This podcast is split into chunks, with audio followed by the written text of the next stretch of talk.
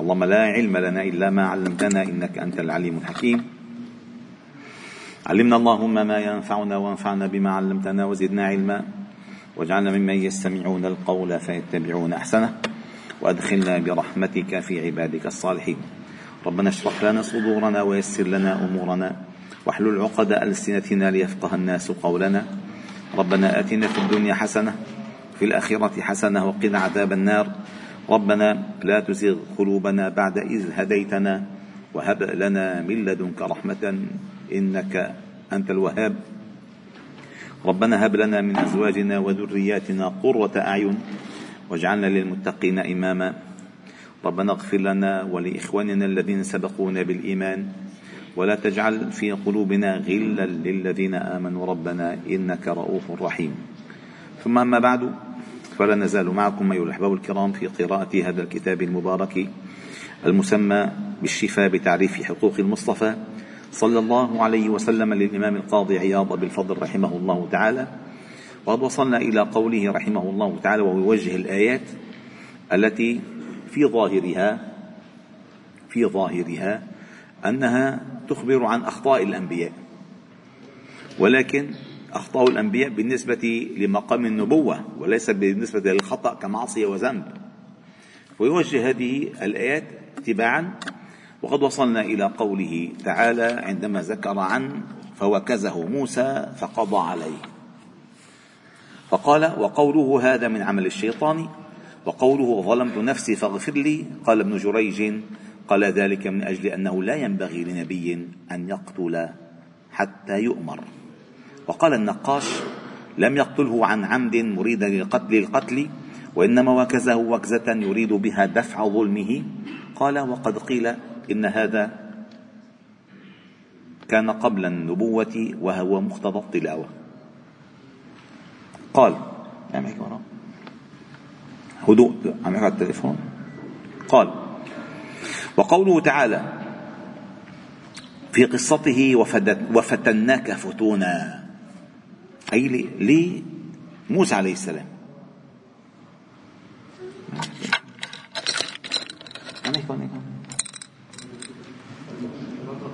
برا؟ برا برا؟ كلام سكروا سكروا البيبان. وفتناك فتونا. قال أي ابتليناك ابتلاء بعد ابتلاء. قيل وفي هذه القصة وما جرى له مع فرعون وقيل إلقاؤه في التابوت واليم وغير ذلك. أولا حياة موسى عليه السلام منذ أن ولد ويفتش عليه يقتل منذ أن ولد. وده اللي بدي قتله عم يقتل جيل ورا جيل جيل ورا جيل. لأن حتكتشفوا شغلة مهمة. فرعون عمر. فرعون عمر. وموسى عليه السلام عندما خرج من مصر كان عمره ثلاثين سنة. وصل إلى أهل مدين فمكث فيهم عشر سنين. فمكث فيهم عشر سنين. ثم عاد إلى مصر فمكث فيهم ثلاثا وعشرين سنة. 63 منذ أن ولد موسى وفرعون بعد بده يقتله. فبعد 63 سنة قضى الله تعالى على فرعون. و23 سنة هي مدة النبوة لنبينا محمد صلى الله عليه وسلم. لذلك في سورة القصص لما ذكر ولادته وما أراد فرعون أن يفعل به قال في آخر السورة إن الذي فرض عليك القرآن لرادك إلى معاد. كل شيء وقت فالله أرى موسى وبني إسرائيل هلاك فرعون أمام أعينهم. أمام أعينهم. ثم فإذا موسى عليه السلام كل حياته كل حياته بلاء. من لما ولد وهو لا يدري ما الذي يراد منه وله. هذا الذي حصل معه. قال وقوله تعالى وفتناك فتونا أي ابتليناك ابتلاء بعد ابتلاء قيل في هذه القصة وما جرى مع له مع فرعون وقيل إلقاء في التابوت واليم وغير ذلك. وقيل معناه أخلصناك إخلاصا. لأن الفتنة في اللغة الإحراق. الفتنة في اللغة الإحراق. إن الذين فتنوا المؤمنين والمؤمنات ثم لم يتوبوا فلهم عذاب جهنم ولهم عذاب الحريق. الفتنة هي الإحراق. والإحراق تقول فتنت الذهب أي أحرقته أي أحرقته بالنار حتى تذهب العلائق والشوائب التي فيه. لذلك استخدمت الفتنة الفتنة حتى تنطفك وتظهر الغش من السمين. والأصل من المزيف. لأن كلما ازدادت النار على الذهب ازدادت ازداد تألقه وخلوصه من الشوائب وبقى الذهب وبقي الذهب. سبحان الله. فقال ومعناه أخلصناك إخلاصا؟ قاله ابن جبير ومجاهد من قولهم فتنت الفضة في النار أي خلصتها. وأصلها وأصل الفتنة معنى الاختبار وإظهار ما بطن إلا, إن إلا أنه استعمل في عرف الشرع في اختبار أدى إلى ما يكره. يعني فتن الإنسان.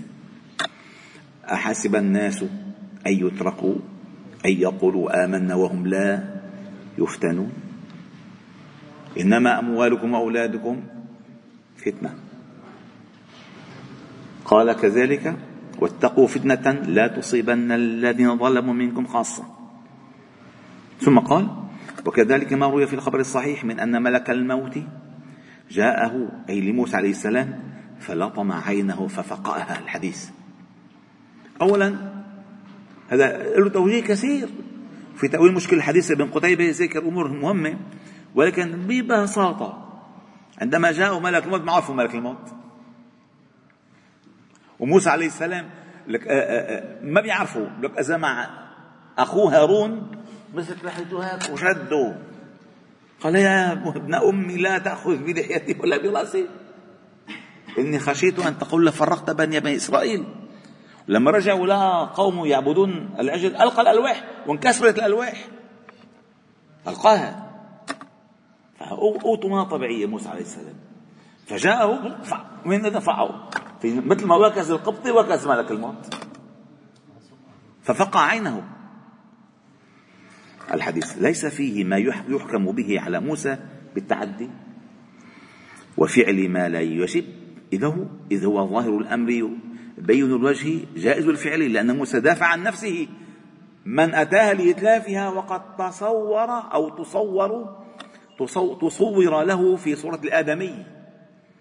فلا يمكن أنه علم حينئذ أنه ملك الموت. تصور كليم الله بيرفض دعوة ملك الملوك لعنده. أكيد ما هيك. يعني ليش ربنا جعل الإنسان عقل؟ أكيد ما هيك. قال فدافع عن نفسه مدافعة أدت إلى ذهاب عين تلك الصورة التي تصور له فيها الملك الموت امتحانا من الله عز وجل. إذا أولا الملك مرت عينه. لأن الجسم اللي تصور فيه الملك غير جسم الملك. قال امتحانا من الله لموسى عليه السلام فلما جاء بعد وأعلمه الله عز وجل أنه رسوله إليه استسلم. أي سلم نفسه. وإلا ما كان مات. إذا كان بده يفقعوا فقعوا بوكس كان ده لهلا شغالة معركة المصارعة مع موسى وملك الموت. أكيد لا. والمتقدمين والمتأخرين على هذا الحديث. أجوبة هذا أسدها عندي الذي ذكرناه. وهو تأويل شيخنا الإمام أبي عبد الله المازري رحمه الله تعالى. وتأوله قديما ابن عائشة وغيره على صقه ولطمه بالحجة وفق عين حجته وهو كلام مستعمل في هذا الباب. يعني هن خرجوا عن ظاهر اللفظة. أولها إلى ما بعد وراء اللفظ يعني على المجاز. يعني فقع عينه ألقمه حجرا. يكون أنا عم جيد الواحد. فبلزموا يعني وقعوه في الحجة فتقول ألقمته حجرا. هو ما ألقمه حجرا؟ هو ما ألقمه حجرا. يعني شو بدي لك؟ فقعت عينه. فقعت عينه. يعني فقعت عينه بالمعنى الحجة. يعني خلص انكشف الزلمة. هذا المقصود. فهو منهم من تأوله على المعنى الأول وهو وهو الأوجه وهو الأوجه عند أبي الفضل القاضي عياض. ومنهم من تأوله على موضوع الحجة أي أقامه حجته وظاهر في فقه عين حجته. وهذا معروف في اللغة. وأما قصة سليمان وما حكى فيها أهل التفسير من ذنبه وقوله تعالى ولقد فتنا سليمان أي بمعنى ابتليناه واختبرناه وابتلاؤه ما حكي عن النبي صلى الله عليه وسلم أنه قال لأطوفن الليلة على مئة امرأة أو تسع وتسعين كلهن يأتين بفارس يجاهد في سبيل الله. فقال له صاحبه قل إن شاء الله. فلم يقل فلم تحمل منهن إلا امرأة واحدة جاءت بشق رجل. قال النبي صلى الله عليه وسلم والذي نفسي بيده لو قال إن شاء الله لجاهدوا في سبيل الله. هذا كله بمشيئة الله. دائما دائما الفعل لا ينسب إلا إلى الفاعل الأصلي وهو الله. لأطوفن فيأتي يقول إن شاء الله. إن شاء الله حصل ذلك. ما قال إن شاء الله؟ سبحان الله. لذلك النبي صلى الله عليه وسلم 17 يوم. والناس تناولوا بمكة. لأن قال لهم غدا نخبركم ما قال إن شاء الله؟ 17 ليلة. ثم قال وقال أصحاب المعاني الشق هو الجسد الذي ألقي على كرسيه حين عرض عليه وهو عقوبته ومحنته. وقيل بل مات فألقي على كرسيه ميتا هذا الذي كان. وقيل ذنبه حرصه على ذلك وتمنيه. وقيل لأنه لم يستثني لما استغرقه من الحرص وغلب عليه من التمني. يعني حابب يكون عنده مية مثلا. وقيل عقوبته أن سلب ملكه وذنبه أن أحب بقلبه أن يكون الحق لأختانه على خصمهم. هنا قضية أقرباء مرته علقانين مع بعضهم كانوا كان حب تروح الحجة لأختان أقرباء مرته على غيرهم هذا كله أقوال. ولكن الأرجح ما رجحه علماء التفسير أو الجسد يلي هو أجا بشق رجل. وقد أخذ وقيل أخذ بذنب قرفه بعض نسائه ولا يصح ما نقله الإخباريون من خرافاتهم من تشبه الشيطان به وتسلطه على ملكه وتصرفه في أمته بالجور في حكمه لأن الشياطين لا, لا يسلطون على مثل هذا. وقد عصم الأنبياء من مثل بعض بني إسرائيل أو في رواية بني إسرائيل ذكروا أن الشيطان تمثل بصورة سليمان وسليمان ألقي عن الملك وجلس على عرش حكمه يحكم الناس وهو ليس سليمان. وإن سئل لما لم يقل سليمان في القصة المذكورة إن شاء الله فعنه أجوبته طيب ليش ما قال إن شاء الله خلصنا الموضوع؟ قال أحدها ما روي في الصحيح أنه نسي أن يقولها وذلك لينفذ مراد الله تعالى. والثاني أنه لم يسمع صاحبه وشغل عنه. أولا موسى سليمان عليه السلام هذا الملك الذي آتاه الله ملكا لا ينبغي لأحد من بعده. سام صلي؟ بس نو صوتك نو صوتك بس. فسليمان عليه السلام سليمان عليه السلام الذي أوتي ملك الملك لا, يم لا لم يؤت أحد من بعده مثله أبدا. سخر له كل شيء كل شيء وأوتينا من كل شيء. الجن الريح طير كل شيء. يسمع كل شيء يسمع يسمع النمل يسمع يسمع. المهم فلما رآه مستقرا عنده. عرش بلقيس. من اليمن إلى فلسطين. فلما رآه مستقر عنده قال هذا من فضل ربي ليبلوني أشكر أم أكفر. إذا هذا ديدنه ومن كان هذا دي ومن كان هذا ديدنه ما لا يظن إنه هو عمل هيك وقصده يلف ويدور. أعوذ بالله. لا كل شيء عنده. فقال هذا من فضل ربي ليبلوني. أأشكر أم أكفر؟ سبحان الله. فقال إذا و والثاني أنه لم يسمع صاحبه وشغل عنه. لما قال له صاحبه قل إن شاء الله ما سمعه. وقوله وهب لي ملكا لا ينبغي عن بعدي لم يفعل هذا سليمان السلام غيرة على الدنيا ولا نفسة بها. إنه واحد بيقول بدي ملك بس لأنا ما لغيري.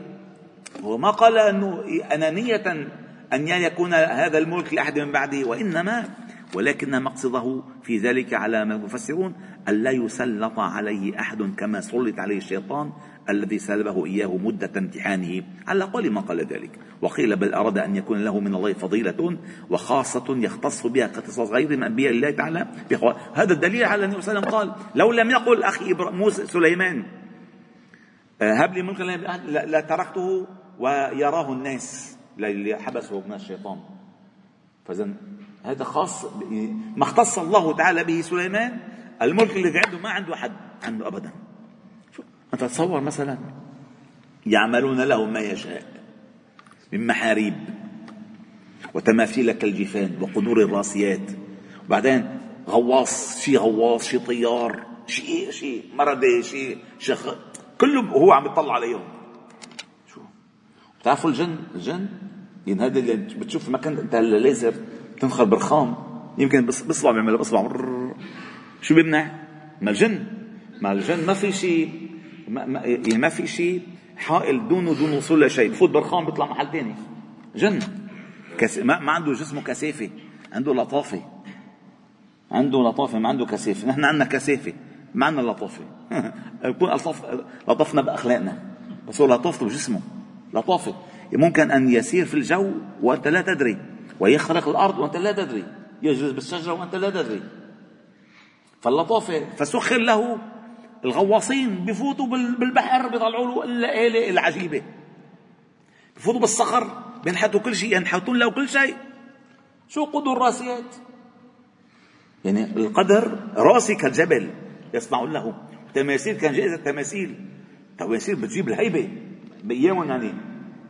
كلها مبنية هلا شو هالبناء اللي بظنوا الضخم. شغل شغل أنس. أنا لا أظن. أنا لا أظن شغل أنس. لأن تصور الأهرامات اللي بالبيرو نفس الأهرامات اللي بالقاهرة وفي فص وفي خط يربطهم. خط فضائي بيربطهم اثنيناتهم. لا كان في شو اسمه جوجل مابس ولا في أقمار صناعية ولا في أمر أمر الله. صدقون الحضارة التي كانت قبل؟ أخطر من الحضارة التي نعيشها ولكن نحن لا ندري لأن أخذين بالوهج وهج الحضارة. أما هو الأساس كله كان خطير. خصوصا الفراعنة. قال وأما وقيل وقيل ليكون ذلك دليلا وحجة على نبوته كالإلانة الحديد لأبيه داود عليه السلام. ما حدا ورد من الأنبياء ألان الحديد إلا داود وألنا له الحديد. وتعرفوا الحديد من الأجسام الصلبة؟ يعني الصلبة يعني بدها شيء أقوى منها ليطعجها أو يحميها ليطعجها كانت تلين بيده كالقماش. الحديد بيجيب مثلا سيخ حديد 12 آه، ملي بيعمل مثل هيك على صبعه مثلا. ما هو شو تقنية البناء؟ شو هو حديد؟ وألنا له الحديد. عمل الدروع عمل السابغات. ثم قال وقيل ليكون ذلك دليلا وحجة على نبوته كائنة الحديد لأبي داود وإحياء الموتى لعيسى واختصاص وسلم بالشفاعة ونحو هذا لأن الشفاعة خاصة بالنبي صلى الله عليه وسلم بس ما في شفاعة للأمم كلها إلا لنبينا صلى الله هو صاحب الشفاعة العظمى. وأما قصة نوح عليه السلام فظاهره العذر فيها بالتأويل وظاهر اللفظ قال تعالى وأهلك وأهلك شو أهلك؟